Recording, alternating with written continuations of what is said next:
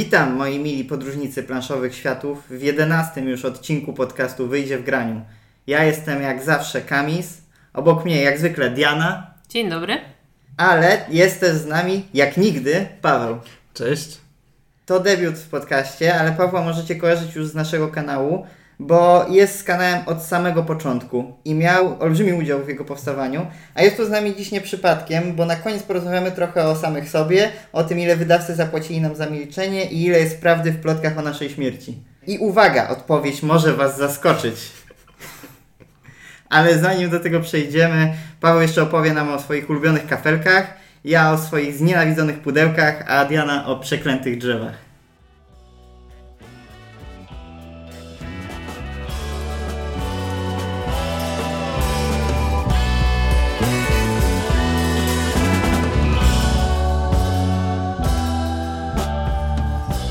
Paweł, słyszałem, że ostatnio nie możesz żyć bez kaskadi i cały czas się w nią zagrywasz. Czy to Tak, prawda? zdarzyło mi się kilka razy zagrać w Kaskadię, czyli w grę, w której każdy z graczy stara się wybudować jak najwyżej punktujący park za pomocą kafelków, które dobiera się ze wspólnej puli. Na każdym kafelku są zwierzątka, no i e, te zwierzątka e, tworzą określone kombinacje. No i jakie ogólne masz wrażenia?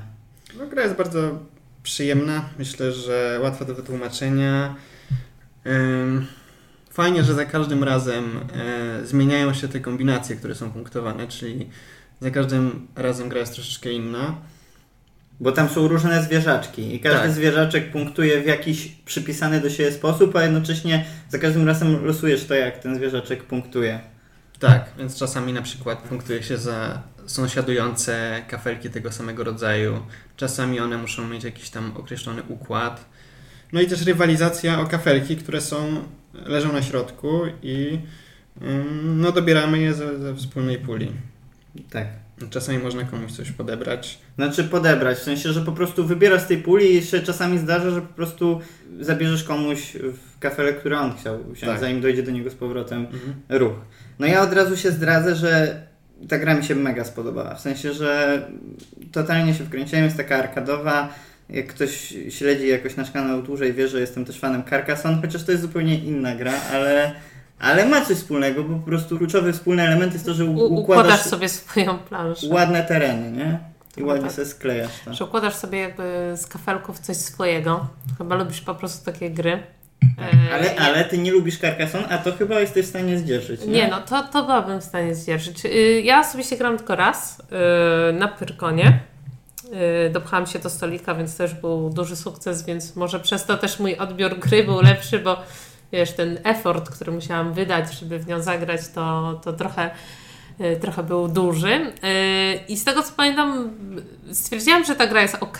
Może nie jest jakaś taka gra w moim stylu, żeby ją kupować nie wiadomo od razu, już na stoisku. Ale wydaje mi się, że jakbym, y, że jakby ktoś stwierdził, bym przyszła gdzieś i stwierdził, że dobra, to gramy w kaskadzie, to bym powiedziała, okej, nie mam nic przeciwko. Y, Wydaje mi się, że to, to co to Paweł wspomniał, że tam się zmieniają te zasady, te takie dobieranie kafelków i to, że moim zdaniem graficznie ona była dość czytelna, co dla mnie jest dość ważne, było spoko. Mm. No bo dla mnie taką największą zaletą tej gry jest to, że naprawdę ma mega, mega proste zasady. W sensie, że y, właściwie od razu rozumiesz wszystko, jak y, powinno się w to grać i dosłownie w dwóch, trzech zdaniach jesteś w stanie wytłumaczyć 90% zasad. Czyli, że po prostu właśnie tak jak mówię, że masz na środku cztery kafelki zawsze, obok masz żetonik tego zwierzęcia i bierzesz kombinację tych i dokładasz u siebie. I to jest w zasadzie już 90% zasad. I to jest właśnie taki trochę styl projektowania gier, też którego jestem, nie, nie ukrywam, sporym fanem, który czasami stara się robić w swoich grach Rainer Knizia, czyli takie właśnie mega proste zasady, które sprawia, że głębia gry wynika tylko i wyłącznie z tego, że te zasady się jakoś krzyżują ze sobą, że wchodzą ze sobą w jakieś napięcia. No i wydaje mi się, że w tej grze to jest tak, że każdy może sobie po prostu układać ładny parczek, tutaj zwierzaczki dokładać i coś tam zapunktują te zwierzaczki, tak czy siak. No ale właśnie, czy, czy da się tą grę zmasterować? Czy zawsze wygra lepszy gracz? Ja nie grałem w tę grę wystarczająco dużo chyba, żeby, e, No ale żeby to ocenić. Trzy, cztery razy zagrałeś, nie? Tak. I Wydaje mi się, że w grach tego typu, jeżeli ktoś grał więcej razy niż raz, to też wie mniej więcej na co stawiać. sensie jaka kombinacja ewentualnie tych zwierząt i ich punktowania, w co powinien pójść, a jak grasz pierwszy raz, to tak idziesz we wszystko trochę. Mhm. Że kwestia doświadczenia może tutaj wyjść w pewnym momencie, że y, będziesz wiedział po kilku roz, rozegranych y, grach, że warto się skupić, nie wiem, na trzech rodzajach punktowania, a nie na wszystkich. No, na pewno coś w tym jest, co mówisz, rzeczywiście, że też to, to, to w wielu tego typu grach jest, że nie możesz mieć wszystkiego. Ale z drugiej strony ta gra, i to jest fajne, że miałem poczucie, że premiuje to, jak próbujesz wszystko ugryźć naraz. Bo o tym chyba nie wspomnieliśmy, że tam są też na tych kafelkach typy terenów, które też punktują. Czyli Mhm. masz typy terenów i zwierzaczki, które dokładasz. Jeśli jesteś w stanie to dobrze rozkminić, jesteś w stanie często to pogodzić ze sobą. W sensie układać jedno i drugie równolegle, równocześnie. No i też jeśli ktoś grał w grę Kaliko, która jest zresztą tego samego studia, ale to jest o kotkach gra, taka bardzo urocza, a jednocześnie bardzo ostra. I właśnie do tego zmierzałem, że y, tą grę co prawda zaprojektował Randy Flynn, ale tak sobie sprawdziłem, że autorem y, Kaliko jest Kevin Raz, który tutaj był chyba deweloperem. Jeśli coś pomieszałem, to poprawcie mnie, ale wydaje mi się, że tak to dokładnie działało tam. No i to czuć od razu, nie? Ty grałaś w Kaliko, Diana. Gram, no. Czuć od razu podobieństwo. Yy, Nie ym, czujesz? W sensie, wiesz, no, jest to dość podobna gra, w sensie ja bym pewnie wrzuciła je do jednego wora. Ym, pod względem tego takiego, y, może stopnia trudności trochę i, i czasu rozgrywki i w ogóle takiego, wiesz, przeznaczenia do gry. Nawet Mm. wizualnie, nie? Że te kafelki układasz, yy, one wszystkie są... No troszkę tak, chociaż te. Kaliko, no ja gram w Kaliko i Kaliko jednak Cię ogranicza mm, przestrzenią. Mhm. To jest pewnie taka dość duża różnica, e, że to jest takie bardziej ograniczające i takie wiesz, że mm, w Kaskadii chyba wydaje mi się, że możesz sobie powiedzieć lewo, prawo, wiesz, no raz powiedziesz bardziej w tą, raz w tą, że jeszcze możesz coś wykombinować, że wiesz, a dobra, to tu coś mi blokuje, ale pójdę sobie w tą. A w tym Kaliko, jak już tak w pewnym momencie gry już jest takie na siłę wpychanie Mm. tych rzeczy. To jest też gra, która według mnie jest, będzie ciężka wizualnie dla niektórych e, osób, dlatego że no, tam są Mówisz o te... Kaliko? Y, Tak, graficznie, że tam masz wiesz Mhm. te wzory, niewzory, kolory i że dla niektórych to będzie tłumacz, nie? Że Mhm. tu, przez to, że te mm, grafiki kolorystycznie, one się różnią jednak te zwierzęta plus te tereny, że to da się tak, wiesz, dopasować fajnie. A tamta jest taka no, w pewnym momencie już zapominasz za co tam mniej więcej punktujesz i czy za to i że masz na swoje cele indywidualne, cele grupowe jeszcze, to się czasem w ogóle nie da tego pogodzić, jak źle pójdziesz na początku gry, że jest taka ograniczająca bardziej. Mam bardzo podobne odczucia. I że właśnie, że Kaliko jest grą, która tak, jeśli chodzi o grafikę, a na pewno temat, wydaje się, że jest bardziej urocza, bardziej beztroska, a jest właśnie paradoksalnie Jest tą grą, która jest... patchworkowa. Jaka? Patchworkowa, taka w sensie jak patchwork, tak Mhm. wyglądająca taka, że wiesz, takie Że coś taka abstrakcyjna bardziej. y, jakąś kołderkę, czy coś tam. No. No, ale, ale jednocześnie jakby temat niby ma bardziej uroczy, bo szyjesz kołderki dla Mhm. kotków, a jednocześnie jest to grą, która jest bardziej bezwzględna i która cię bardziej skarci, jak będziesz słabiej grać, bo na koniec czujesz wszystkie efekty tego, że ci się nie pospinały te Tak. twoje plany na to, jak zapunktujesz. Tutaj to jest dużo bardziej, tak jak powiedziałaś, że to jest dużo wolniejsze i, i w tamtej grze to jest takie, Kaliko jest trochę bardziej dla graczy, w sensie każdy zrozumie Kaliko, Mhm. ale jeśli nie jesteś graczem, to na koniec będziesz miał takie poczucie, że Boże, co ja robiłem? W sensie, że mózg mi wyparował Mhm. i, i że... No tak, ale ten temat też jest taki przyklejony trochę do Kaliko. Tam jakby nie było grafiki z kotem na okładce, to pewnie nie byłoby aż takim, Sprzedaż minus 50%. że to takie, takie przyklejone dość, ale wiesz, ale y, wracając do Kaskadii, no y, ciężko mi też powiedzieć jakby było, jakbym gra za drugim razem, bo teraz też w sumie jakbym gra, to tak jakbym gra pierwszy raz, już patrząc na to, ile czasu minęło. Ja nie wiem, powiem tak, no ta gra ogólnie ma jakieś dobre bardzo opinie, jeżeli nie wiem, czy nawet nie wypchnęła z tych takich abstraktów Azula z topu. Mm, I cenowo też mi się wydaje, że jest spoko jak na taką regrywalną grę. Elementy, że masz kafelki, to jednak jest dość kolorowe i, i w, takim, w takim sensie. Wydaje mi się, że, że jest to dość fajna gra, żeby komuś kupić. No jest taka bezbolesna, w sensie, że jeśli ktoś by był sceptyczny, ale to niekoniecznie musi być złe, w sensie, że jeśli ktoś jest sceptyczny, mógłby zaryzykować stwierdzenie, że nijaka, w sensie, że taki temat w sumie jak każdy inny, że, że Nie, ten... no to chyba tematu aż takiego... No właśnie, tak nie, taki jest, to no jak w Carcassonne, No bardziej jest, się nie skupiasz na tym, na grze i dopasowywaniu tych rzeczy, niż się skupiasz, że a tu jakiś zwierzak żyje Mhm. tu, a powinien żyć tego albo coś. Chociaż mam poczucie, że bardziej niż Kaliko pasuje do tego, Nie, no co tak, jest. W sensie, tak. że to jakoś pasuje, że tam są Kaliko jest bardziej szycie kołdry niż coś cokolwiek związane z kotami, moim zdaniem. Ale mm, wydaje mi się, że ta kaskadia z takich, takiego typu gier to jednak jest jedną z takich ciekawszych po prostu. Ale mam też właśnie poczucie, że jest jedną z ciekawszych i też, że nie, w przeciwieństwie do Kaliko nie karze tak mocno gracza, że się czuje gracz jakiś jednak dostaje, dostajesz punkty na koniec w pozytywnym sensie, nie widzisz jak jesteś początkujący albo nawet średnio zaawansowany, to nie czujesz aż tak bardzo, że jesteś taki dużo gorszy, bo zwykle nie masz aż tak dużo mniej tych Mhm. punktów i tak za dużo rzeczy zapunktowałeś, nie masz takiego poczucia, że nie dopiąłeś tych punktacji. Zresztą nie wiem, jakie ty miałeś Paweł poczucia, ale jeśli dobrze pamiętam, jak graliśmy, to sam mówię, że chcesz jeszcze raz to i jeszcze raz, w sensie, że chyba ci chwyciło cię trochę, co? Tak, myślę, że to jest dosyć przyjemna gra i też odnosząc się do tego, że nie jest karząca, to wydaje mi się, że to jest taka gra, którą ty byś zaklasyfikował jako introwertyczną, czyli każdy sobie dba o własne poletko. Trochę taki pasjans myślę, bo ilość interakcji jest bardzo ograniczona. Mhm. E, No i dopiero na końcu często okazuje się, kto wygrał na podstawie podliczonej punktacji. No to prawda. Bo niby możesz podkradać innym, ale mówmy się, że to jest takie w tle. W sensie, że raczej nie podejmujesz decyzji po to, żeby specjalnie komuś zaszkodzić, bo to się gra nie premiuje tego. Zależy z kim grasz. Ale wiesz, no, to Nie, no od ja osoby wiem, zależy, wiem. ale są gry, które bardziej to premiują. W sensie zachęcają cię do tego, że. No to- że, to na pewno, Że to masz łatwiej pewno. jakby przewidzieć, co przeciwnik chce zrobić i, i, i zapobiec temu. No to, tutaj to na pewno takie- jest jakiś, jakiś minus takich, takiego typu gier, że skupiasz się bardzo na sobie i trochę nie wiesz, co się dzieje wokół ciebie, no bo w sumie ty kminisz, jaki kafelek gdzie dołożyć, a nie jaki kafelek dołoży twój przeciwnik, bo to już byś musiał, wiesz, patrzeć na cztery planszetki jednocześnie. No i że nie masz tego poczucia, że idzie ci dobrze albo źle czasem. Mhm, mhm. Bo nie wiesz, jak idzie innym. no Przez to, prawda. żebyś musiał się strasznie skupić na tym, jak idzie innym, przez to tobie mogłoby być gorzej. I teoretycznie możesz to zrobić, ale wtedy, szczególnie jak grasz w No takim tak. casualowym gronie, to ludzie będą dziwnie na ciebie patrzeć, No. że siedzisz i porównujesz, bo to, Trochę to tak, trochę tak. by było trochę takie nie na miejscu. No dobrze, ale e, przechodząc już trochę dalej do następnej gry, ostatnio też ja z kolei miałem szczególnie dużo okazji, żeby pograć w Suburbie, w jej angielską wersję, ale z tego co się orientuję, niedługo ma wyjść w Polsce polska wersja tej gry. E, I wy też mieliście okazję w tą grę zagrać, ale może zanim o niej porozmawiamy, to już na start powiem, że mam sporo skojarzeń z Kaskadią, szczególnie mechanicznych, ponieważ tutaj też mamy kafelki, też mamy takie heksy właśnie i będziemy z nich budować sobie nasze poletko, w tym przypadku miasto. I jest dużo podobieństw, o których jeszcze potem za chwilę może porozmawiamy, a dużo też różnic.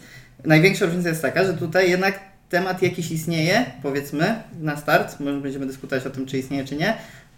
I jest ten temat pod tytułem SimCity. Umówmy się, to jest gra SimCity The Board Game w, duży, w dużej mierze. Może nie jeden do jeden, ale w dużej mierze. Jeśli Jest trochę, ale ulic nie musisz budować. tak, to prawda. Bardziej oddaje ducha SimCity niż faktyczną mechanikę tego, Mhm. jak to działało. No ale wła- no właśnie, to możemy od tego nawet zacząć w sumie. Jak bardzo czujecie to SimCity tutaj? Jeśli ktoś nie grał, może tylko powiem, chociaż podejrzewam, że większość naszych słuchaczy grała. Jeśli ktoś nie grał w SimCity, to była po prostu taka bardzo popularna gra komputerowa o budowaniu miasta, gdzie budowaliście sobie. Wydaje mi się, że dalej jest. Nawet jakieś takie iteracje SimCity, jakieś Skyline, coś tam, że To dużo takich gier gra wychodzi. Tak, tak, tak, że takie wiesz, y, nowe, nowe wersje. Konkurencja. Mm, wiesz co, y, jeżeli chodzi o SimCity, zatrzymałam się na SimCity 2000. Mhm. Więc y, jeszcze to była gra wydawana, wiesz, na, na płycie nawet bez, bez żadnego konkretnego boksa, tylko jakbyś, wiesz, kupił płytę, płytę CD jakąś, jakiegoś artysty. I mam trochę takie wrażenie, chociaż wydaje mi się, że w tej grze versus SimCity jest mniej zależności między kafelkami. W sensie, wiesz, no, jak ja z tego co ja kojarzę w SimCity, pamiętam, że tam dość dużo było takich rzeczy, że a ktoś musiał mieć, nie wiem, dojście do wody, przez co musiałeś budować blisko Mm. czegoś, Że jesteś, tu masz bardziej większą swobodę. elektryczność, że wiesz, musiałeś tak bardziej na początku rozplanować takie bardzo podstawy, by potem, wiesz, stwierdzić, o, że tu już mam wszystko, by zbudować mieszkania. Że tutaj tego nie ma, no bo już od razu budujesz mieszkania. Że to versus SimCity jest y, jakby poziom trochę level niżej, jeżeli chodzi o takie skomplikowanie, bo to mogłoby być bardzo skomplikowane, ale wydaje mi się, że to wtedy już byłby jakiejś takiej, nie mogłoby być takiej wersji, byłby jakiś cięższy Euros, żeby to zrobić. Mm, ale takie wiesz, takie, że dobra, no to tu buduję to, tu tamto, to. To jest dość podobne, jeżeli chodzi o te takie budowanie dzielnic ogólnie. Mhm. Tam niby jest to, że w tej, bo tam masz, y, zawsze budujesz trzy jakby fazy tych kafelków, więc one trochę się zmieniają. Mhm. W pierwszej fazie jest mniej niby mieszkalnych budynków, ale rzeczywiście jest tak jak mówisz, że mniej jest tych takich twardych ograniczeń, że nie możesz tego kupić, bo nie masz Mhm. czegoś tam Tak, tak, właśnie, że o to mi chodziło, że nie ma takich twardych ograniczeń, że na przykład yy, nie premiuje cię też aż tak za na przykład budowę budynków mieszkalnych obok siebie. Na przykład, wiesz, takie coś jak w SimCity by pewnie przeszło. Mhm. Chociaż są Ym. motywy tego, tam nie wiem na ile zwróciłaś uwagę, że na przykład, że obok fabryk jak budujesz to, To nie- to, to jest tak, fajnie zrobione, tak, jest ten to klimat, tak. że jak fabryk, obok fabryki domy wbudujesz to ludziom się nie podoba, tak. spada ci reputacja Mhm. i tak dalej. Ale tak wydaje mi się, że wiesz, no to już by było bardzo skomplikowane i ograniczające dawanie dodatkowych zasad na kafelkach. Więc to, że ona jest dość uproszczona pod tym względem jest fajne na pewno. Będzie takie przyjazne. Mhm. A ty jak mocno Paweł czułeś to SimCity lub go nie czułeś tutaj?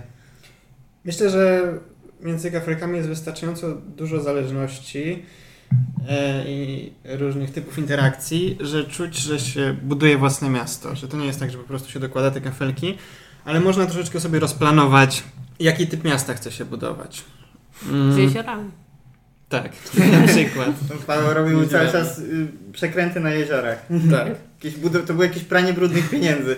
Budował same jeziora i nic innego w mieście nie było. Tak, i traciłem pieniądze tylko, ale zarabiałem na jeziorach. No, ja mało grałem w SimCity, ale w Suburbii, no czułem, że Czułeś budowanie Czułem- miasta. Czułem no. budowanie miasta i gra mi się podobała. E, No i odnosząc się do tego, co Diana powiedziałaś, wydaje mi się też właśnie, że gdyby wprowadzić tu dużo więcej zależności, to gra byłaby dużo bardziej złożona. Mhm. A w obecnej formie ona też jest prosta do zrozumienia i w ogóle do wytłumaczenia. Jak tłumaczyłeś zasady, to ja od razu wszystko rozumiałem, a zazwyczaj nie lubię słuchania zasad. No są w miarę intuicyjne. I też, żebyśmy nie wprowadzili w błąd ludzi, że to jest jednak o poziom wyżej, jeśli chodzi o skomplikowanie zasad niż Kaskadia. Mhm. Co najmniej o jeden poziom Tak, wyżej. tak. Ale z drugiej strony właśnie dlaczego mi się tak mocno z tą Kaskadią kojarzy, chociaż niektórych to może dziwić przy pierwszym spojrzeniu na gry, bo są zupełnie różne. Ale trzon mechaniki jest podobny i właśnie dlatego jest prosty, że też po prostu wybierasz kafelek, kładziesz kafelek No i punktujesz za no. Jak niego. ktoś lubi gry kafelkowe, no to pewnie zwrócił uwagę na Suburbię. No kwestia jest tego, że ona jest jednak grą bardziej ekonomiczną. No w sensie No tak, ale do, do tego zmierzałem, że jakby ta Mhm. cała ekonomiczna rzecz jest nadbudowana nad takim Tak, tak, polegającym nad- na tym, że żeby budujesz dopasowywać. Tak. kafelki po prostu, Mhm. a, a trochę te zależności ekonomiczne są takie przy okazji i w tym sensie, że ktoś, kto potrafi już tą grę grać, to będzie o tym myślał, Mhm. ale jak ktoś pierwszy raz gra, to po prostu kupi co popadnie i wybuduje i nie zablokuje się, w sensie, że nie będzie miał problemu z tym, żeby przejść przez grę, tak? Mhm. No, ale to wiesz, to kwestia jest tego, że no to jest bardziej ekonomiczne, no bo yy, musisz myśleć jednak, żeby zwiększać ten dochód, Mhm. yy, zmniejszać. zwiększa albo zmniejszać oczywiście, ale najpierw zwiększałeś, więc wiesz, to kwestia yy, timingu. Yy, jak szybko rosnąć? Wiesz, czy, czy w ogóle stać Cię na to, by szybko rosnąć, czy nie stać? Że to jest takie, wiesz, planowanie trochę kilku ruchów do przodu, że o, fajnie by było zbudować to, ale to jest drogie, więc muszę zwiększyć dochód, więc w sumie będzie mnie to, na to stać może za kilka rund, a jeszcze inni gracze coś kupią, przez co jeszcze będzie tańsze, że to jest taka gra bardziej ekonomiczna, ale kafelkowa. No. Jest tu ten element e, konieczności dostosowania swojego tempa do tempa przeciwników. Bo jak za szybko do przodu wyskoczysz, no to jest taki element e, mechaniki, że e, szybko traci się dochód. E, Bo tam jest tak, że obniża ci się dochód i y, reputacja, jeśli twoje miasto rośnie, bo Tak. nagle się zarządzanie nim staje niby trudniejsze, tak jest to tematycznie, że traci urok małego miasta, no. Mhm. To tak, więc mówię. nie warto wybiegać za bardzo e, do przodu. No tak, a Kamis miał akurat ten problem, że on nie biegł przez pół gry w ogóle. Bo ja ogólnie zrobiłem nadkorektę, bo w tą grę już trochę więcej grałem i miałem takie poczucie, które jako samo w sobie nie jest bez sensu. Mhm. Czyli, że na początku musisz dobrze zbudować tą bazę dochodu, no ale właśnie tak jak mówiłaś, timing jest ważny, bo można przespać moment, kiedy jednak trzeba przystopować tak. z tym dochodem. I pod tym względem myślę, że właśnie w tych mechanikach, o których trochę tu mówimy, czuć mocno ten klimat i tego, że budujesz to miasto. Czyli czy na przykład buduję coś, co da mi jeszcze więcej dochodu, ale będzie niepopularne, sprawi, że ludzie zaczną wyjeżdżać z mojego miasta, czy właśnie wybuduję na przykład coś, co się ludziom bardzo spodoba, ale za, nagle będzie problem, żeby utrzymać to i żeby mm, się spinało wszystko, Mhm. bo jak za, przestanę na przykład mieć zbilansowany budżet, to też ludzie zaczną wyjeżdżać z mojego miasta, a grę wygrywasz, nie powiedzieliśmy o tym, jak po prostu twoje miasto będzie największe pod kątem Mhm. ilości mieszkańców. Ale wydawało mi się, że te niektóre cele są takie overpowered. Mhm. Pod względem tego, że akurat my mieliśmy taką rozgrywkę, że mogłeś mieć tak, że twój cel indywidualny się trochę rozgraniczał z tymi podstawowymi, które były dla nas wszystkich. I na przykład pod twoją rozgrywkę pasowały na przykład te cele główne, nie? Bo tam na przykład ty chyba z 30 punktów jakby tych takich zdobyłeś z samych tych celów, które były na planszy tutaj głównej, nie? Mhm. Że, że to było tak, że wiesz, co rundę na przykład rośniesz po 3, po 4, po 5, a spojrzysz sobie na cel i pod koniec gry wzrośniesz 20. Mhm. Ale Że nieraz jest mhm. tak, że ja miałam takie, że y, strasznie się ograniczałam z budową tych budynków mieszkalnych, bo za nie dostawałam 20, a co rundę sobie rosłam, wiesz, 5 razy mniej, więc w ogóle mnie to nie ciągnęło, żeby budować te zielone kafelki, które mi tam zwiększały, wiesz, Mhm. y, reputację, bo wiedziałam, że jak ich nie wybuduję, to będę miała 20 do przodu. Możesz mieć rację, że te cele są najmniej klimatyczną częścią gry. W tym No, sensie, że takie Znaczy trochę nie wiem, jakoś tak są rozgraniczone pod tym względem, że niektóre były za 10, a niektóre nagle za 20. I ja nie widziałam, żeby ten za 10 był łatwiejszy do, wiesz, czy trudniejszy do, nieraz był trudniejszy niż ten za 20. W sensie takie bardzo do przodu pchały te cele niektóre Mhm. pod koniec gry. O to mi chodziło, wiesz? Mhm. No nie wiem, ja grałem trochę więcej razy, ale Mhm. chyba i tak nie wystarczającą żeby, ilość razy, żeby ocenić, czy rzeczywiście te cele są zbalansowane. Tak, gdy, udzielam kredytu zaufania autorowi, zwłaszcza, że gra już, przy, to nie jest pierwsza edycja tej gry, ta gra w ogóle już trochę ma lat. Ted Alspach ją zaprojektował, czy ja sobie zapisałem kiedy? Chyba nie, ale dawno. Dawno Mhm. zaprojektował pierwszą wersję Suburbii i to jest druga edycja, która już też pojawiła się chyba w 2012 albo 2015. E, Jeszcze Kickstarterowa chyba była. była Collector's Edition, na podstawie której chyba to powstało. Tak mi się wydaje. Tak mi się wydaje. Mogę się mylić. ale- Wiem, że droga była. Tak, tak, ta Collector's Edition. I Tak. oni wtedy zrobili te ładne graficzki, które moim zdaniem są super. W sensie, że te kafelki są, jak je ułożysz, to rzeczywiście to wygląda Mhm. jak miasto. Że to są już nowe, tak? Tak, że to już Okej. jest ten nowy design kafelków. W tym starym był taki bardzo surowy, taki trochę. Nie przesadzajmy, ale trochę w kierunku Food Chain Magnet. Coś No, taki no, no. minimalistyczny. A tutaj już rzeczywiście zrobili takie graficzki, że to wygląda, wygląda prawie jak ekran z SimCity, jak ułożysz to Nie, wygl- wygląda bardzo jest fajna. To, że ty masz wypraskę, nie wiem czy ona była w O tym też możemy porozmawiać, bo to jest bardzo ciekawe, że tu są naprawdę super wypraski domyślnie w pudełku. Mhm. Właśnie te wypraski, które tutaj y, są i w które wzięliście, które, w które, z którymi graliśmy. Bo to są tam Game Trace, to jest chyba jakaś firma, Mhm. która robi to, y, te, taki rodzaj wyprasek. One są mega fajnie spasowane, tak się fajnie otwierają, wyciągasz te komponenty. Można sobie wyjąć na przykład y, cały jakby taki masz od razu- wbudowany w pudełko segregator tam na monetki i tak samo te kafelki są bardzo fajnie uporządkowane.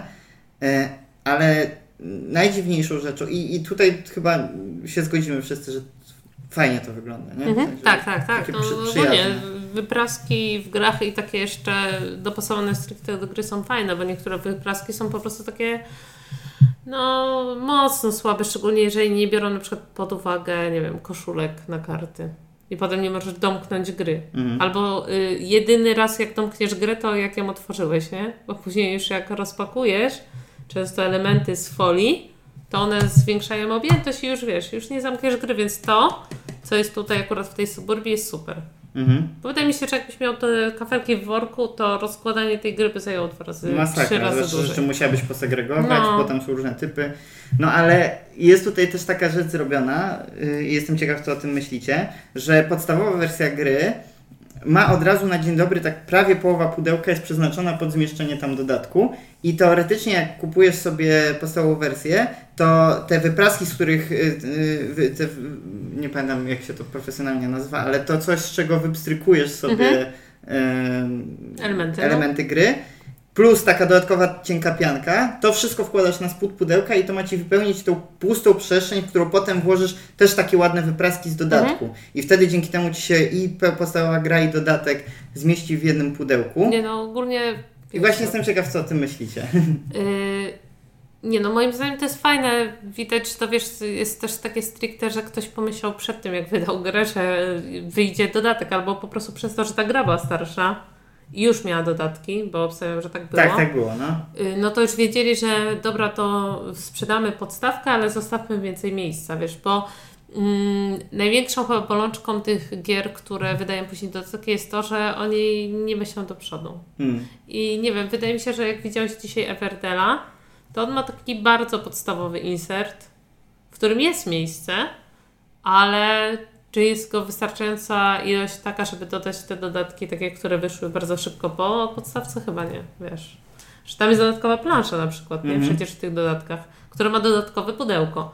I jakby oni zrobili wyższe pudełko od podstawki, no to ja bym mogła wsadzić na przykład dwie dodatkowe plansze do tego i zająć jedno pudełko, a nie wiesz, zajmować trzy pudełka na jedną grę. Więc według mnie to jest super. W ogóle wsadzanie insertów do gier wydaje mi się, że ja byłabym skłonna dopłacić te 20, 30 czy coś złotych za to, żeby był taki insert. Za sam insert, tak. No to, to tu się chyba zgadzamy. Bo y, te takie, które są y, już później robione takie inserty przez inne firmy, no to z reguły są często w cenie samej gry. Nie wiem, czy też tak nie masz wrażenia, ale bardzo drogie. No i nie są takie Mhm. aż tak dopasowane, bo to jest super. No to nie wiem, czy masz Paweł jakieś mocne uczucia na temat tego? Ja myślę, że gdyby mm, gra była niekompletna, no to wtedy zostawianie dodatkowego miejsca byłoby problematyczne.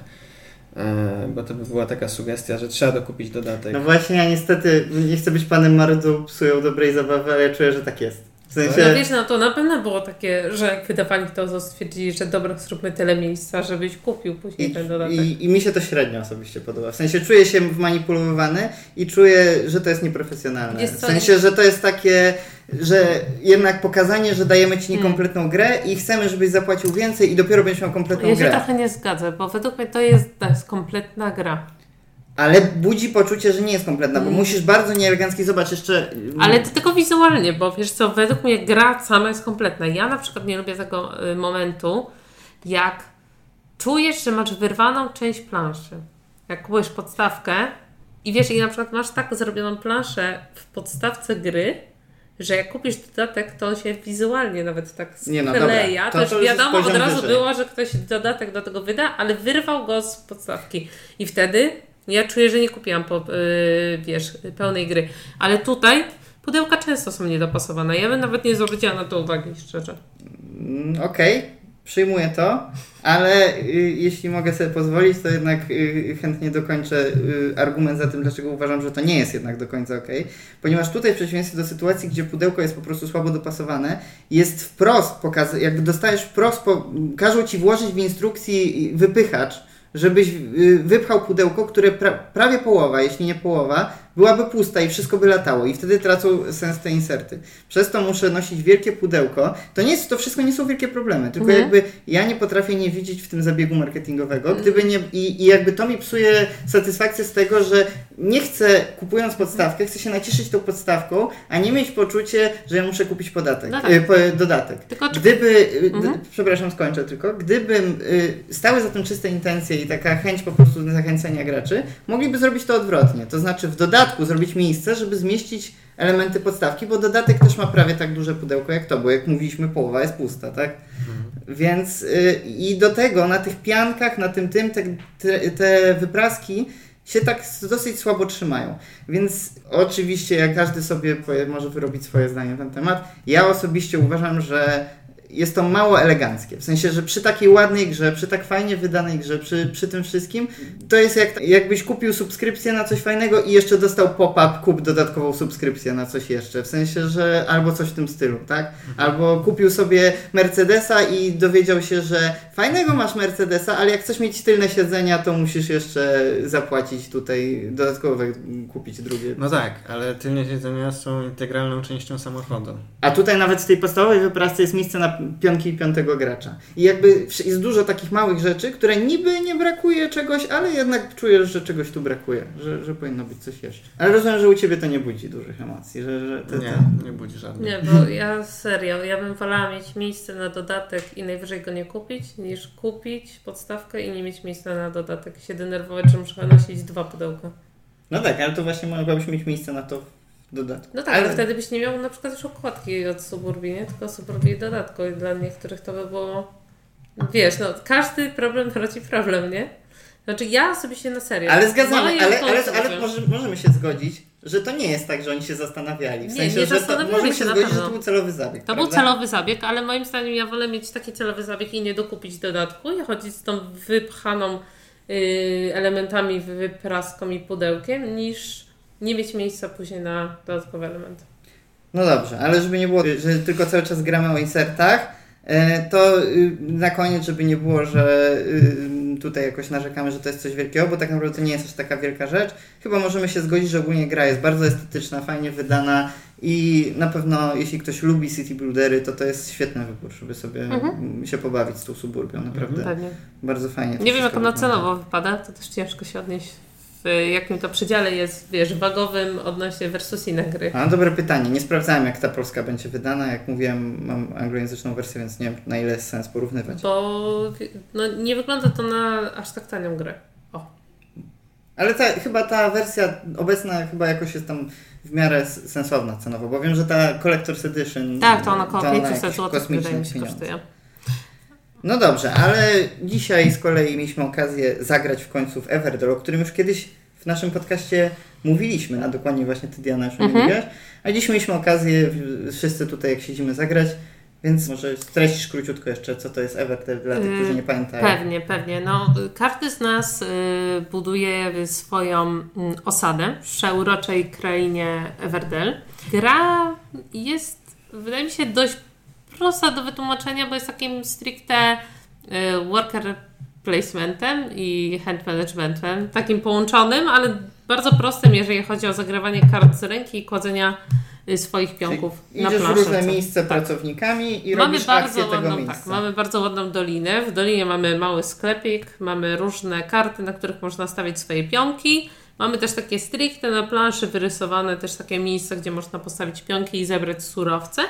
I taką podstawową rzeczą, którą robimy w tej grze, to chodzimy swoimi zwierzątkami, zbieramy surowce, za które możemy kupować karty i rozwijać swoją osadę. Więc gra jest dość prosta, prosta do wytłumaczenia. W każdej rundzie możemy robić dwie akcje, czyli albo zagrywać kartę, czyli kupić kartę za surowce, położyć ją przed sobą, lub pójść gdzieś swoim y, pionkiem. Nie wiem, jak y, chłopacy wy odnosicie się do gry. Według mnie My dzisiaj graliśmy tylko w podstawkę, bez żadnego dodatku, czyli taką stricte najbardziej podstawową wersję Everdela.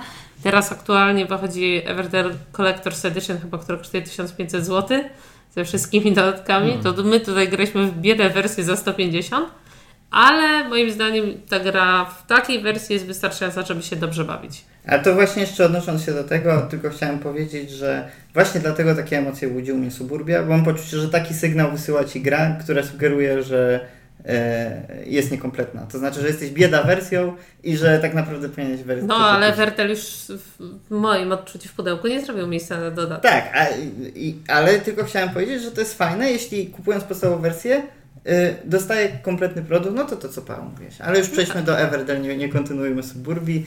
E, czy, czy Paweł podoba Ci się budowanie miasta w Everdell, czy tu czułeś, że, że fajnie się to wszystko spina? Tak i po tej pierwszej rozgrywce odniosłem wrażenie, że ta gra jest bardzo dobrze y, zrównoważona i że dobrze została przetestowana. E, bo... Czyli zimny produkt y, wielkich korporacji. Wykalkulowane. E, no i mam wrażenie na końcu, że to się wszystko ładnie spięło. Bo na początku była taka sytuacja, pamiętam, że zastanawialiśmy się skąd w ogóle brać surowce i było ich mało. A surowce są potrzebne, żeby wykładać karty. Ale gra ma taką mechanikę, że ile jest pół roku? Trzy, trzy pory roku są. Cztery. To znaczy, Cztery. że od pierwszej to tam trzymasz takie wyrysowane. Tak, i każda pora roku jest dłuższa, czyli w pierwszej porze roku możemy wykonać e, dwie akcje pracownikami, więc siłą rzeczy liczba ruchów jest ograniczona. E, Zwłaszcza, że startujemy z pełnym brakiem surowców. I może to jest właśnie fajne dla osoby, która gra pierwszy raz, że e, ilość decyzji, które trzeba podejmować, zwiększa się z biegiem gry. Pączkuje to wszystko. Tak, myślę, że można tak to określić. Wydaje mi się, że na początku gry wy mieliście taki strasznie paraliż decyzyjny, że wydawało wam się, że nic prawie nie można zrobić, Mhm. a potem już tak było, że hmm, te pory roku się trochę rozciągały, że mieliście więcej pionków, więcej kart też do zagrania. Już bardziej myśleliście strategicznie o tym, że pójdę tu, kupię to, to pozwoli mi kupić to za darmo i tak dalej, że to takie już większe kombinacje wchodziły. No To jest trochę wpisane w taki rodzaj gier, w sensie może mogliśmy szybciej robić turę, ale myślę, że to jest wpisane w to, że musisz po prostu poznać te karty i bardzo ciężko tutaj zacząć, zwłaszcza jeszcze jak na taką bardzo słodką grę, bo gra, gra jest bardzo słodka, wygląda jak w uroczych zwierzaczkach, wygląda trochę jak by miała być na poziomie kaskady, jeśli chodzi o taką przystępność. I nie jest bardzo skomplikowana, ale jak na taką słodką grę jest dość y, sroga na początku, w sensie, że jest taka, że rzeczywiście tych surowców Mhm. w ogóle nie ma, Yy, ciężko troszkę wiedzieć jeszcze, jak te karty się połączą, bo no to często takie gry, gdzie masz jakiś rodzaj budowania silnika, kombosów na przestrzeni czasu, no to wiadomo, że pierwsza rozgrywka jest troszkę, może nie aż do spalenia, ale troszkę do nauki gry jednak, do obeznania się z kartami ze wszystkim. Nie? Ale ja mam wrażenie, że my się sami w taką pułapkę wpędziliśmy, że e, w taki paraliż decyzyjny, bo e, w tej pierwszej porze roku nam się wydawało, że mamy te dwie akcje i one na wszystkim zaważą. A tak naprawdę e, myślę, że e, to Nie były takie istotne. No. Ale myślę, że też, no bo jednak jak my tak czuliśmy, to myślę, że nie, nie mówię, że wszyscy, ale że na pewno część ludzi też tak będzie miała, tak? Mhm. I ja- jakaś garstka ludzi przynajmniej. I wydaje mi się, że są powody, czemu ta gra może jakby ten powodować przy pierwszym obyciu paraliż, bo właśnie jedno to jest to, o czym mówiłem, ale drugie to jest to, że zauważ Paweł, że już jak zagrasz, to wiesz, że nie wszystkie decyzje są sobie równe, ale masz na start multum opcji. Że masz tych pól bardzo dużo i na każdy możesz wysłać swoją wiewiórkę, swojego pracownika i zrobić tam jakąś akcję. Jednocześnie masz te karty, które możesz zagrywać, więc masz dosłownie kilkanaście możliwych Na zagrań. kartach jeszcze masz czasem akcje, Tak. więc... Teoretycznie przynajmniej, bo w Mhm. praktyce wiadomo, że potem ograniczone są trochę tym, jakby w co poszedłeś, jakie masz surowce i tak dalej. Rzeczywiście, jak graliśmy od razu, nam się gra. Ty, ty nawet przy tłumaczeniu wspomniałaś Louis St. Clark.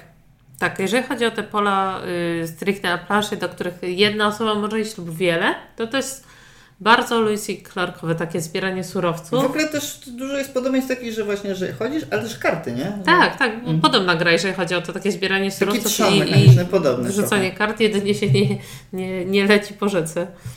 Więc, y, więc to, jest, to jest dość różne. No i jedna z rzeczy taka, która wyróżnia tą grę, to jest ta taka y, asymetria ym, tego, kiedy, jak my gramy. Czyli kto Mhm. gdzie jest, w którym momencie gry i to, że nie musimy wszyscy iść jednym tempem. No to, to było akurat fajne, bo to właśnie ta gra wydaje się trochę bardziej łagodna niż St. Clark, mniej bezwzględna. I wydaje mi się, że to jest jeden z tych elementów, że każdy idzie swoim tempem, każdy sobie decyduje, kiedy przejdzie do kolejnej pory roku i przez to nie ma takiego bardzo prostego porównania między graczami. Nie możesz powiedzieć jednoznacznie, kto, kto jest w dobrej sytuacji. No i te drzewo jest niepotrzebne, moim zdaniem. No jest Dalej. takim gadżetem, bajerem, który nic nie robi. Ale ja jak przyszedłem, od razu zobaczyłem, że wow, jest drzewo. Zaciekawiło mnie to. No Tak, właśnie to jest taki bajer, żebyś taki na bajer. konwencie z- zwrócił uwagę na grę, że o, No, ale to jest tak, zagrał jak ktoś to. zwraca uwagę na te, te, takie błyskotki, to może się spodobać, że jest No bo na tym drzewie tak przestrzenny naprawdę- taki element. Oprócz pionków, które dostajesz i pokazania, co dostajesz w konkretnej porze roku i czterech kart, które leżą na, na jednym z tych, y, y, jednej z tych gałęzi, no to nic tam nie ma. Mhm. Ale ja myślę, że dzięki temu drzewu gra jest trójwymiarowa, a nie dwuwymiarowa. I to jednak robi różnicę taką wizualną. Ale masz na myśli też mechanicznie, czy tylko wizualnie? No mechanicznie chyba nie ma to wpływu. No nie ma, nie ma. Ale Kamis na przykład nie widział, jakie są karty przez No. to na drzewie. Więcej Mm. problemów rodzi. Ale tak, nie, no, nie, nie hejtuję drzewa jako element wizualny. Fajnie wygląda rzeczywiście. Ale też trudno się składa. O tym już pewnie też dużo było mówione, ale że... No że... takie jest, zajmuje miejsce na pewno i wydaje mi że można grać z nim, ale można spokojnie je zostawić gdzieś w domu. I, i, i je pominąć, szczególnie, że no, no zajmuje, no nie zajmuje dużo miejsca, ale potem jak Ci dojdą jakieś dodatki czy dodatkowe elementy planszy, no to to już się zrobi takie y, mocne, wiesz, kombi- y, dużo kombinacji, szczególnie jakbyśmy grali przy prostokątnym stole, tak jak siedzimy, w czwórkę. Mhm. Wtedy te drzewo by przeszkadzało strasznie. No gralibyśmy bez drzewa po prostu. Rozebrał i rozłożył. No tak gralibyśmy po prostu bez drzewa. E, Element, który jest w tej grze i właśnie jest też jednym z elementów tego, że ciężko się porównywać na bieżąco, na przykład w Luiskich kart tego nie ma, Mhm. to jest to, że punkty podliczasz na koniec gry. O tym też nie wspomnieliśmy przy omawianiu Kaskadii, że to jest dla niektórych to może być jakiś minus tej gry, że na koniec masz jedno wielkie podliczanie punktów. Jest dużo graczy, którzy, tak jak na przykład trochę ja, chociaż Kaskadię bardzo lubię, nie są wielkimi fanami tego rozwiązania. To znaczy, że po prostu masz na koniec takie ma- antyklimatyczne siedzenie i, i liczenie i dopiero się okazuje, kto wygrał. E, Nie wiem, No, jakie uczucia u Was to tak, budzi w ale- Everdell na przykład. Yy, to znaczy na pewno tak, ale też wiesz po tym, że masz liczbę kart przed sobą. Wiesz, czy one są lepsze, gorsze, czy są, wiesz, dwupunktujące za jeden punkt, czy za cztery może.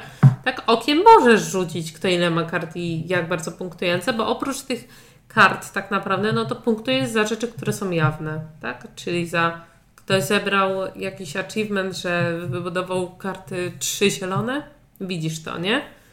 Y, Ktoś się postawił na tym torze, że odrzucił karty, też to widzisz. Że to nie są te takie ukryte, że tak punkty. O to mi chodzi. Nie są losowe, Że że to nie jest tak, że na koniec z- gry ktoś wyciąga za cel, pazuchę. wiesz, 30 punktów, proszę. Cel Ha, wygrałem. o, gra wybudowałem to, taka, to, to i to. Widać. Właśnie chciałbym wrócić do tego drzewa, bo też tego o tym myślę. Że to jest kluczowy Wydaje element mi się, że to jest ważny element, ponieważ e, tak naprawdę duża część decyzji w tej grze dotyczy tego, gdzie się położy swojego e, pracownika. I są różne typy miejsc, na które można go położyć. Są takie bazowe, które są na planszy, są karty, które leżą na planszy, ale są też specjalne osiągnięcia, które leżą na kartach, które są na drzewie. Gdyby to wszystko leżało, było ze sobą zmieszane w jednym miejscu, to myślę, że to by było dużo cięższe wizualnie. A jak e, te rodzaje kart i miejsc, gdzie można położyć pracowników są jakoś wizualnie od siebie odgrodzone, to też gra przez to, myślę, jest dużo lż- lżejsza. Mhm. Ale nie miałeś poczucia, że przez to, że te karty są na drzewie, to trudniej zobaczyć właściwie, co na tych kartach jest? Nie, bo siedziałem obok drzewa. Okej, czyli drzewo jest najlepszym komponentem, jeśli jesteście graczem, który siedzi obok drzewa. Tak. Ale też ja tam nawet nie patrzyłem, co, znaczy pewnie powinienem tam patrzeć, co jest na kartach, ale e, i tak em, główną rzeczą, na którą patrzyłem na tym drzewie, to czy, mm, czy mogę w ogóle kupić karty, które są, Mhm. e, które tam leżą. A to, czy można je kupić, zależy od tego, czy ja już wyłożyłem karty określonego typu. No, konkretne te, Więc myślę, że to jest karty. takie miejsce, na które można rzucić okiem po Znaczy, prostu. ja szczerze powiem, że przez to, że tłumaczyłam Wam też tą rozgrywkę, to w ogóle nie przeczytałam za bardzo, co jest na tych kartach i nawet nie starałam się w nie iść. Mhm. Czyli nie miałam czegoś takiego, że mm, dobra, to muszę wybudować tego i tego, bo tam jest super karta. Bardziej patrzyłam, że zergam raz na porę roku, czy ja przez przypadek nie wybudowałam czegoś, co jest na tych kartach po prostu. Że miałam coś takiego. A że przez to, że to jest na drzewie, ja jestem dość niska, to na moim poziomie wzroku też to za bardzo aż tak nie było. Więc y, szczerze, jakby to gdzieś leżało na jakiejś takiej za planszą, nad planszą, na przykład cztery karty leżały, czy nawet kupić takie podstawki jakie, żeby one tak, wiesz, były wizualnie widoczne dla wszystkich, to wydaje mi się, że y, spoko nie musiałoby być tego drzewa, ale rozumiem jakby zabieg z tym drzewem, że to jest takie fancy. Ale dla osoby, wydaje mi się, że na początek, jak ktoś gra pierwszy raz, to super z tym drzewem zagrać. Ale jak już byśmy grali, nie wiem, trzeci, czwarty, to już byśmy wiedzieli, co się dostaje w każdej porze roku. Moglibyśmy sobie położyć pionki nad planszą razem z tymi kartami i by nam styknęło. Mhm. No, jakby wizualna strona tego drzewa nie jest bez znaczenia. No, to, ta gra jest ogólnie bardzo ładnie wydana i to drzewo, no to jakby mu łatwo to zbagatelizować, że o, tylko taki bajer, żeby to ładnie wyglądało. I rzeczywiście ja też miałem to poczucie, które ty miałeś, że utrudnia jednak, że musisz właśnie często się podnieść, wstać, zwłaszcza jak nie siedzisz obok tego drzewa, to trzeba się trochę podnieść, zerknąć tam. No ale z drugiej strony rzeczywiście też jakoś czuję to, co po...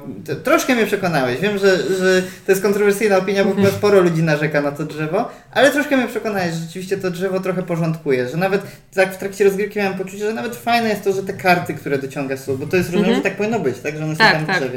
To, to nawet fajne było, bo to jakoś tak jednoznacznie odcinało miejsce, z którego dociągasz te karty, od, od, bo tych kart Mhm. jednak jest sporo wokół stołu krąży, e, więc Mhm. jakoś wizualnie to miało, miało Nie nogi. się Wam wizualnie podoba ta gra, ale dla mnie to jedna z ładniej wydanych gier jest. Jeżeli chodzi o grafiki na kartach, na pewno. Yy, po pierwsze są czytelne, moim zdaniem, w sensie co możesz, co musisz wydać, co ci daje. Opis na kartach jest dość prosty. Taki, że wiesz, bo tutaj jest jednak zastosowane dużo tekstu. Bo wiesz, no z symbolami to jest tak, że jak już grasz, to już wiesz o co chodzi, ale często jest tak, że jak pierwszy raz spojrzysz na grę, to, to nic. To musisz do instrukcji zerknąć. Nic, cały czas do, do instrukcji musisz zerkać. A tu jednak wiesz, powiesz tak, dobra, to tu wyjdą wam takie karty i na kartach macie napisane, co one robią. Mhm. I ile mieliśmy takich przypadków, że się pytaliśmy z dwa, trzy razy, że tam sprawdziliśmy w instrukcji mniej więcej, jaka jest zależność między jedną kartą a drugą może, nie? Mhm. Ale ogólnie takie, że wiesz, nie ma tak, że dobra, dostałeś kartę na rękę i tak siedzisz i co ona robi? Bo ja tak Mhm. często mam w niektórych grach, a w tej jednak nie. Odnosząc się do tego, co myślimy o wizualiach, y, ja już pewnie coś tam wspominałem o tym przy tym pierwszym e, podcaście. Nie potrafię teraz sobie przypomnieć, na ile się zmieniła moja opinia, ale mm, powiem tylko, że też y, ostatnio widziałem, było na Dice Tower, e, takim kanale amerykańskim dość popularnym, ci co znają, to pewnie znają, e, wybór najładniejszej okładki. Oni chyba, nie wiem czy oni nie robią tego co jakiś czas, czy oni to robią raz, czy... czy... Może. I, i, I nie pamiętam, Everton chyba w ogóle wygrało tam. I, No ale to ludzie głosowali. No i ja miałem takie poczucie, emocje, że y, rozumiem czemu. Mhm. Mi się też ta gra podoba, Mhm. ale no właśnie, może zanim powiem, to jeszcze niech Paweł powie, co czuje o wizualiach tej gry. E, pozytywnie oceniam. E, A próbujesz? To jest bardzo ładna gra. Paweł tak, aprób. a próbuję. E, no właśnie. I czy właśnie e, czy to drzewo jednak nie wpłynęło na to, że ta gra jest tak? Ale wiesz, ale ta okładka w- jest tak samo wykonana jak karty w grze. Co, No nie, tak, jest, to- to nie jest aż taką y, czasem, wiesz... Ja to biorę jako plus, bo często Mhm. tak jest, że gra ma przepiękną okładkę, potem otwierasz grę i gdzie jest ta gra?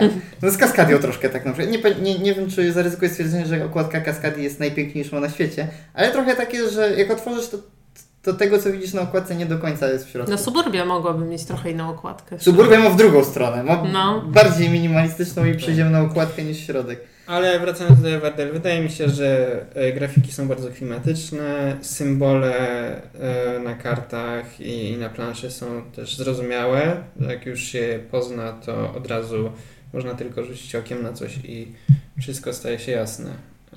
No i jagódki. tak. No. Nie tak, no, jagódki mnie pozytywnie zaskoczyły. Myślałem, że będą z plastiku, a były z jakiejś gumy chyba, z czegoś miękkiego. No wszystko w tej grze jest z dużą jakąś taką dbałością o spójność zrobione Mhm. i, i bardzo pie... no, można chyba to użyć tego słowa, że jest pięknie wykonane, no tak spójnie. That being said, ja mam jakiś taki wewnętrzny troszkę nieufność do tej gry. Nie, nie przesadzałbym to z tym, ale nie, nie do końca podzielam taki totalny zachwyt. E, mam poczucie, że jest troszkę przesłodzona, a może ja jestem takim człowiekiem, który lubi trochę goryczy. Mhm. I, I to jest coś bardzo, ja zdaję sobie sprawę, że to jest coś bardzo personalnego. Może też rzutować na to to, że trochę, szczególnie dzisiaj jak graliśmy, się zracjonalizowałem sobie, dlaczego mi się nie do końca jakby tak all in kupuje. Bo mi się chyba trochę kojarzy, nie wiem czy pamiętasz, był, y, bo ty South Park oglądałeś kiedyś sporo. Y, I tam był chyba taki odcinek, że były takie woodland creatures, które były takie słodkie zwierzaczki z lasu, a one się okazywały takimi morderczymi jakimiś tam kanibalami i w ogóle zabijały wszystkich i, napadały ludzi biednych. No i ja trochę taki mam w tej grze, że tak patrzę i to jest takie słodkie woodland creatures, a tam z tyłu pewnie siekiera za plecami albo coś. No niestety, tak, tak mi się kojarzy i jakąś nieufność we mnie budzi taka Mhm. słodziaszność prze, przerysowana do poziom 3000. No, ale mm, moim zdaniem to jest jednak y, taka, jakbym miała komuś doradzić jakąś grę taką familijną, ale chociaż, chociaż trochę strategiczną, pewnie byłaby jeden z takich top of the top. E, Szczególnie, że wydaje mi się, że podstawka jest już wystarczająca dla kogoś, kto, kto gra jakoś casualowo i nie potrzebuje. Nie, nie miałem w grze poczucia, że czegoś brakuje zdecydowanie. Mhm. Troszkę jest to taka gra, że łatwo zobaczyć, dlaczego to może być gra dla każdego. Yy, Pytanie, czy coś, co jest dla każdego, jest dla nikogo, yy, zostawiam otwarte, ale bez sugerowania, że tak jest. To znaczy, że nie wiem, czy tak jest w tym przypadku. Chyba jest przy, takie przyjazne i przytulne. Można się poczuć domowo.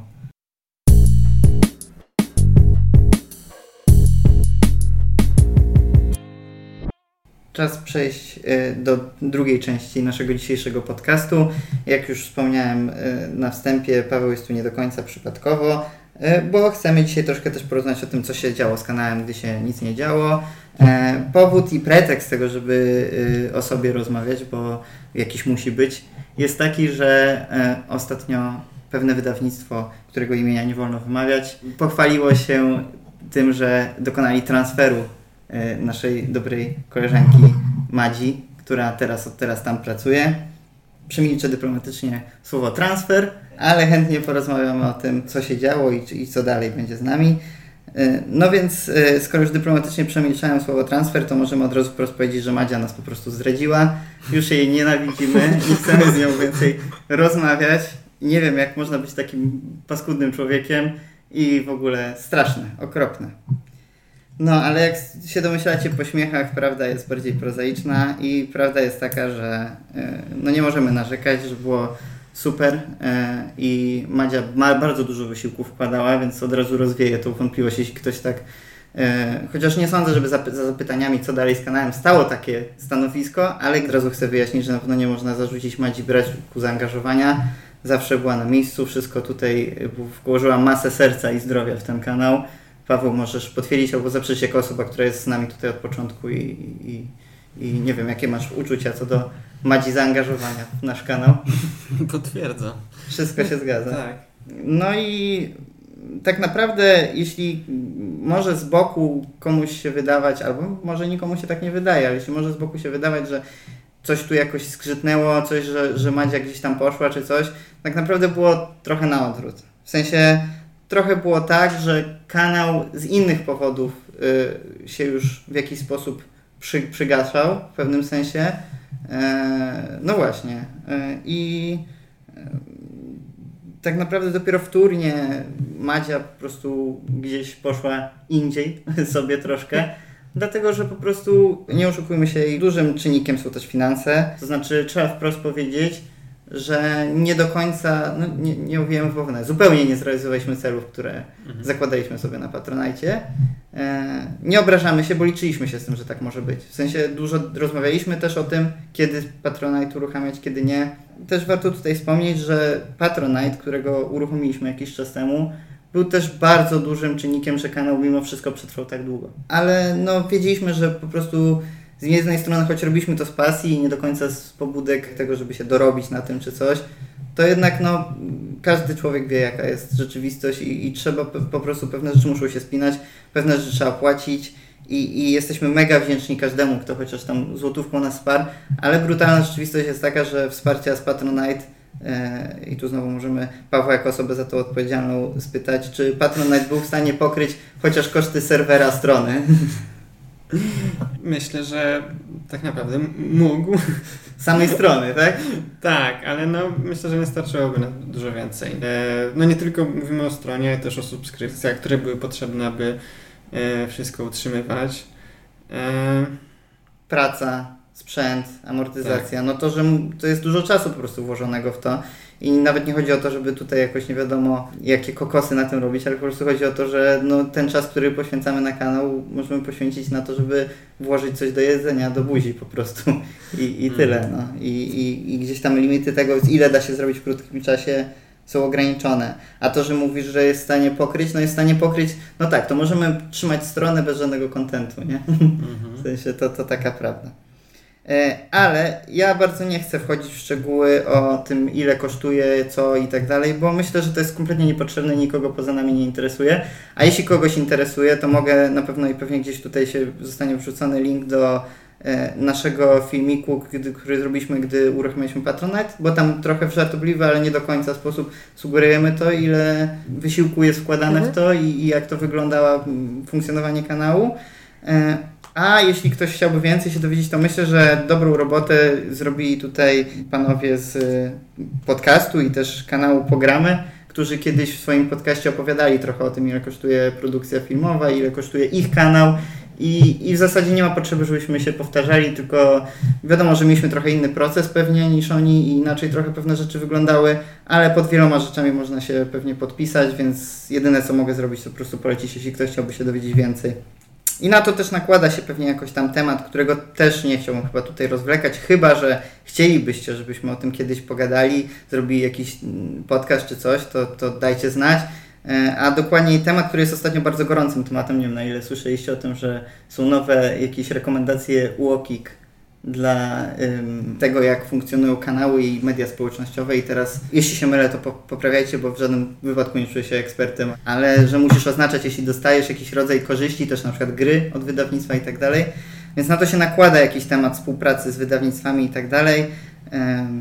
Jeśli chcielibyście, żebyśmy o tym kiedyś porozmawiali, to możemy. E, Natomiast jedyne co mogę powiedzieć, no to, że my nie współpracowaliśmy stricte z wydawnictwami. Nie sądzę, żeby to była jakaś korzyść, która jest naprawdę istotna. Mm. No dobra, no ale tutaj jeśli wyczuliście troszkę goryczy, na pewno jakieś, jakiś sen, sentymentalność się pojawia, jakieś takie poczucie, że, że pewne rzeczy, które były i z których czerpaliśmy jednak coś, które były fajne może, w jakiś sposób zmierzają ku jakiemuś takiemu, właśnie nie wiem czy słowo koniec jest na miejscu, ale w pewnym sensie wygaszeniu powiedzmy. Eee, I w związku z tym chyba, żeby się skoncentrować jednak na tym, co pozytywne, chętnie bym porozmawiał, podpytał Was o jakieś wspomnienia, czy ja mam też pewne wspomnienia, o których chętnie się podzielę, porozmawiam z Wami, ale może już na start macie jakieś szczególne wspomnienia, co, co Wam kanał dał, albo jakieś sytuacje, które Wam zapadły w pamięć z tego, jak robiliśmy kanał albo podcast. Ja myślę, że bardzo dobrze wspominam dużo e, sytuacji z e, planu zdjęciowego.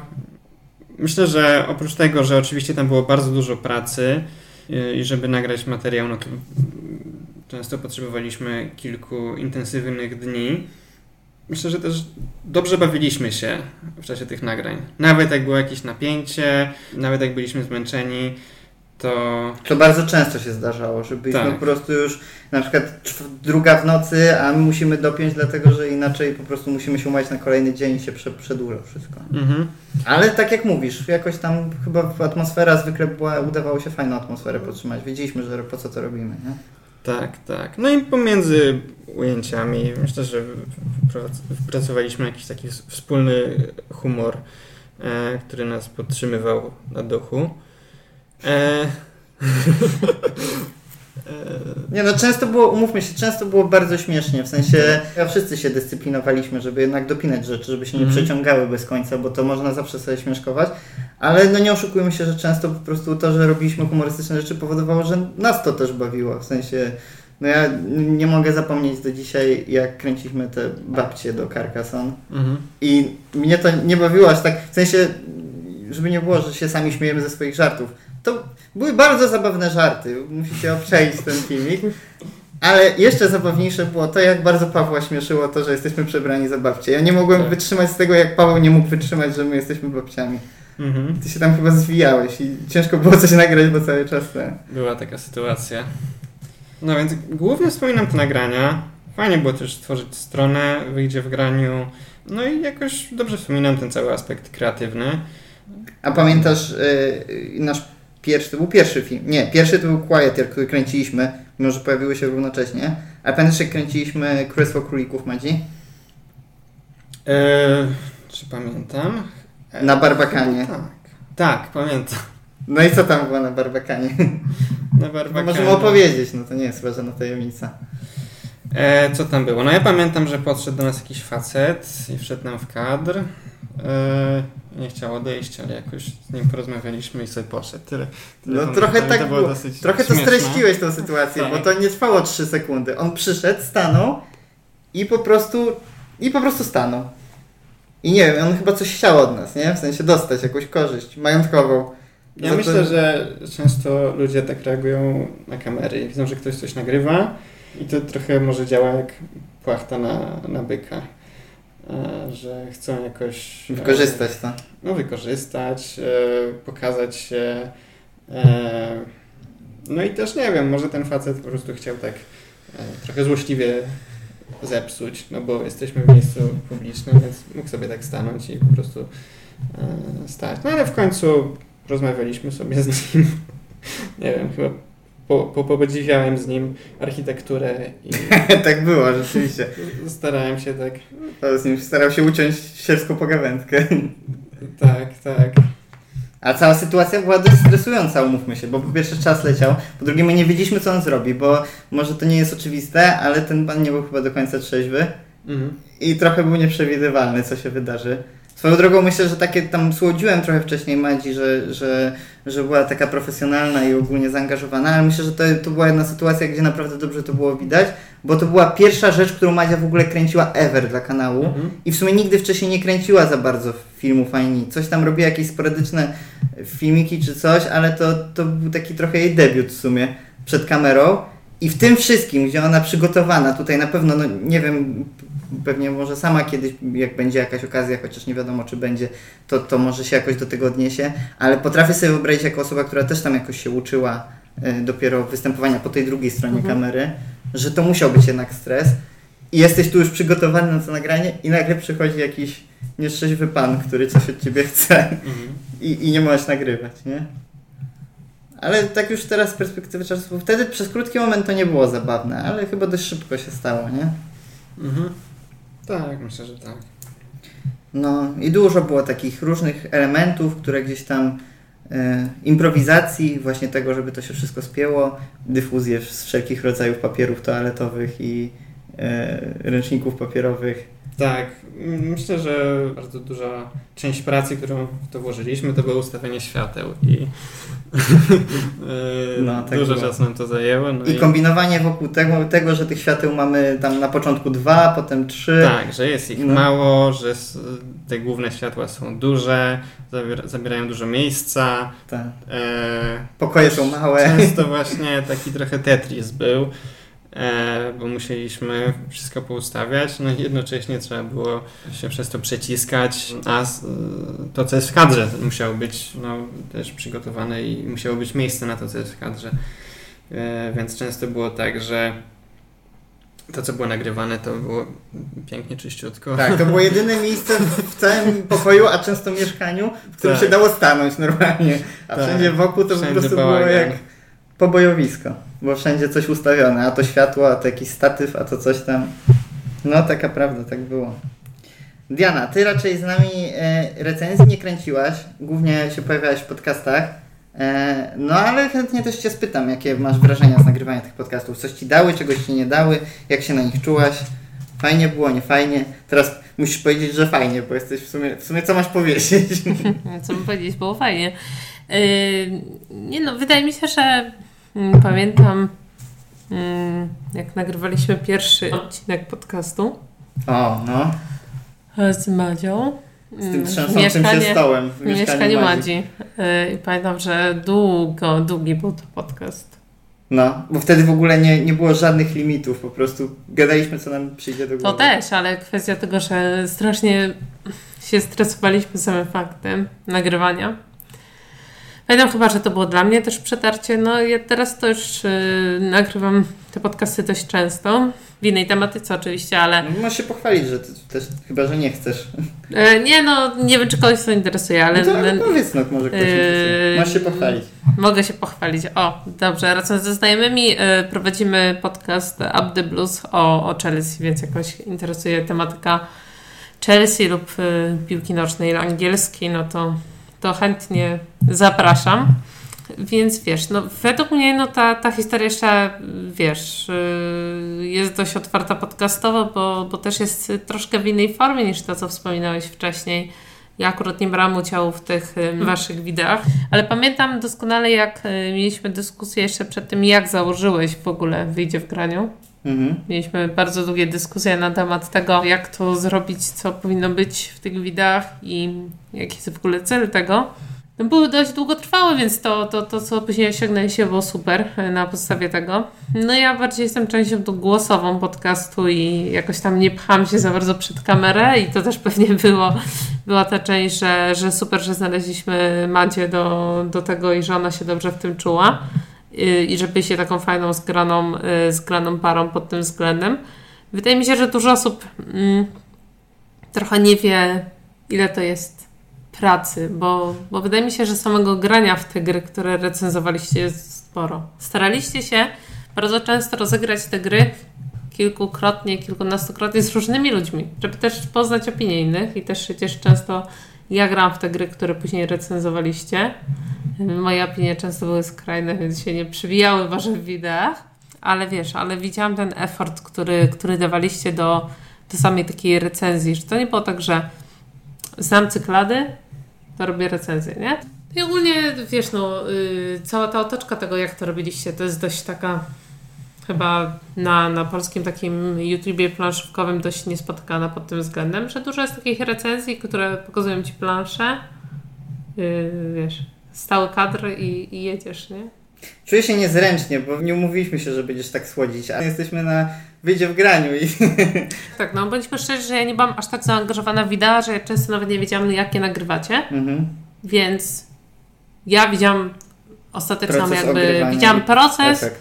czasem i widziałam efekt, tak, że moja opinia nie jest y, nieobiektywna pod tym względem, bo ja byłam w wideo do skoku, więc ja widziałam waszą pracę dopiero w efekcie finalnym często. Mhm.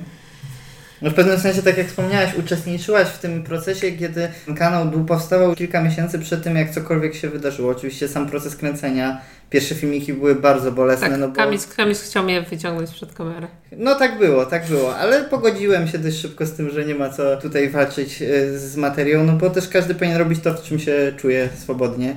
Ale mimo wszystko uczestniczyłaś gdzieś tam w tym procesie powstawania kanału. E, Potem rzeczywiście już tak jak się umówiliśmy bardziej w podcastach, ale no trochę ludzi się też przewinęło tu i tam przez kanał, także to, to, to było spore przedsięwzięcie.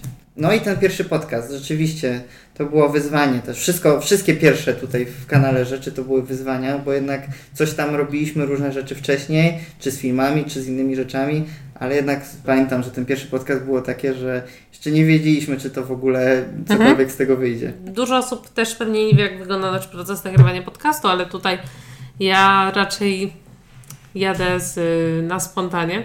Bardzo.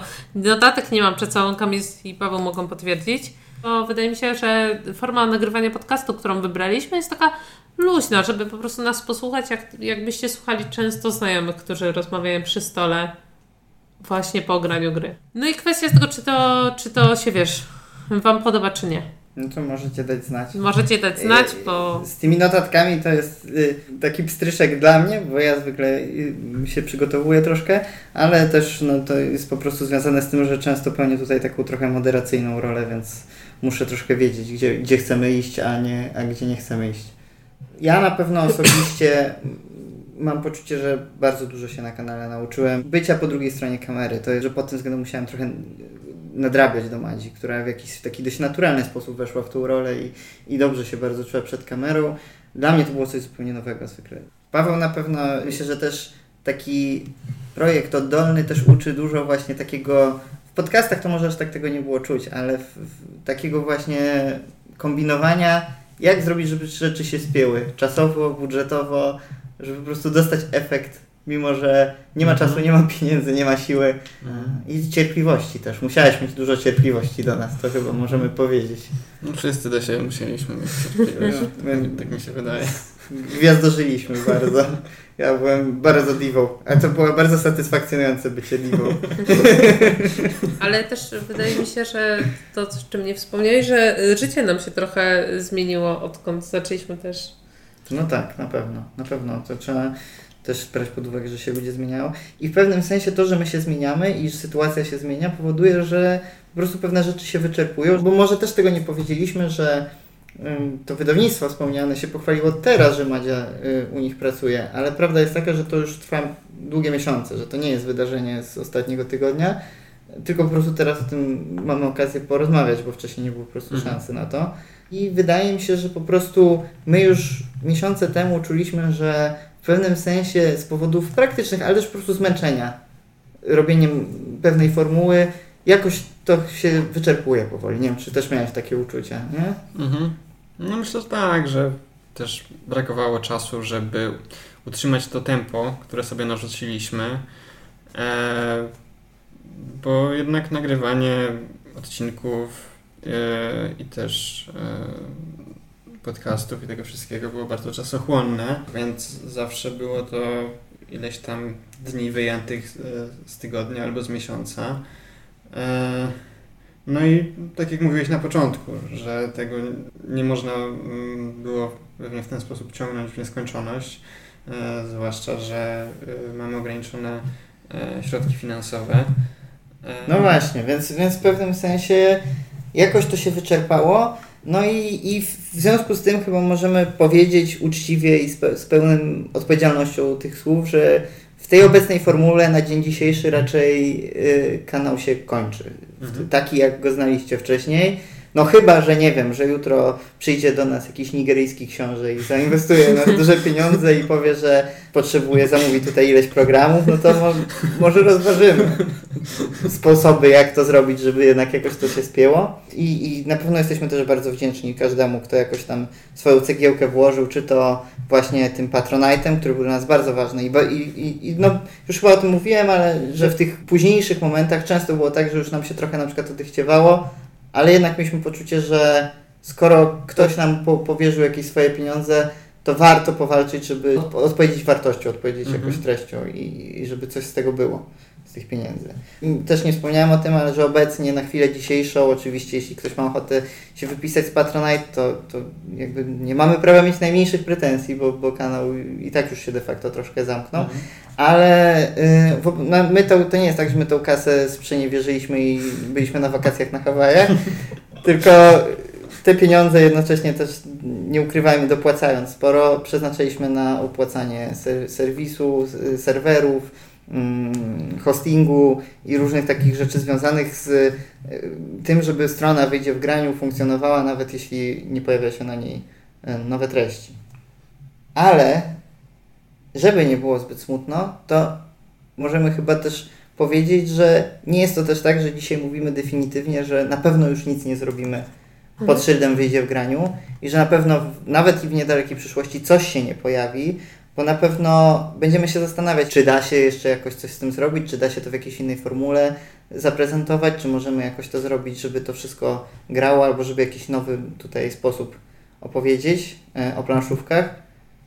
Więc y, chyba żadne z nas nie mówi takiego definitywnego nie. No nie, no nagrywamy nawet dzisiaj podcast. Nawet dzisiaj podcast nagrywamy właśnie. Nawet nas słyszycie. Więc możecie dać znać, czy... Możecie dać znać, czy chcecie nas więcej. Posłuchać, bo gier nie, nie odpuszczamy sobie. Nikt z nas nie przestał grać w planszówki nagle. Więc y, nie, porzuca, nie porzucamy tej pasji, tak? Więc tak, tak, zdecydowanie. Nawet będziemy grać w różne gry, mamy różne opinie i lubimy różne Y, typy, typy tych emocji zwią- związanych z grami planszowymi, więc. Mhm, mhm. No właśnie, więc yy, na pewno nic nie możemy obiecać, bo życie rządzi się swoimi prawami, ale jeśli ogólnie Wam się podobał kanał, jeśli ogólnie Wam się podobało wszystko to, co robiliśmy, yy, to myślę, że po pierwsze warto jednak mimo wszystko zerkać czy to na kanał, czy na nasz fanpage, czy na stronę, co raz na jakiś czas przynajmniej, bo jest duża szansa, że coś tam się jeszcze pojawi, że coś tam się zadzieje niedługo. E, a po drugie, oczywiście też bardzo fajnie, jakbyście dali znać, co Wam się podobało, co Wam się nie podobało.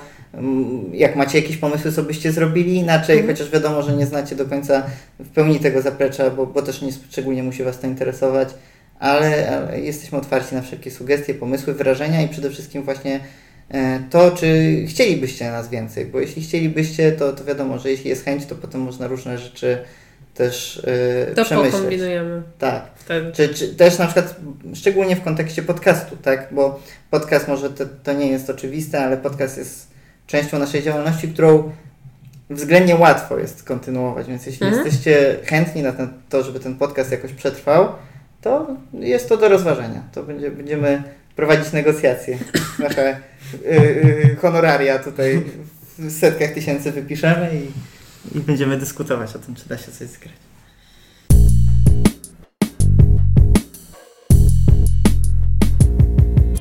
No dobra, to chyba już wszystko, co możemy dzisiaj mądrego, a także i niemądrego powiedzieć. Na koniec wspólnie posłuchamy sobie występu Daniela Johnstona, śpiewającego utwór pod tytułem True Love Will Find You in the End. My się już żegnamy Cześć! Cześć. i ja też Wam dziękuję. Pa, pa!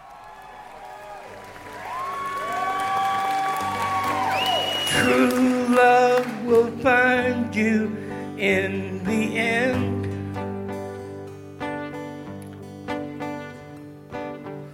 You'll find out just who was your friend.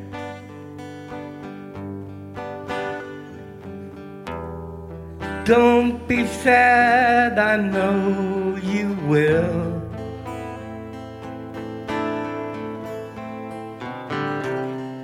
Don't give up until true love will find you in the end.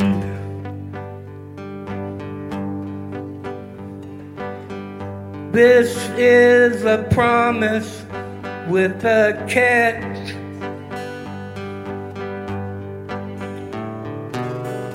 Only if you're looking can it reach you.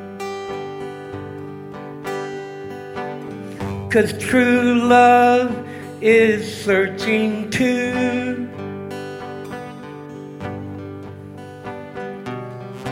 But how can it recognize you unless you step out into the light, the light? Don't be sad, I know you will.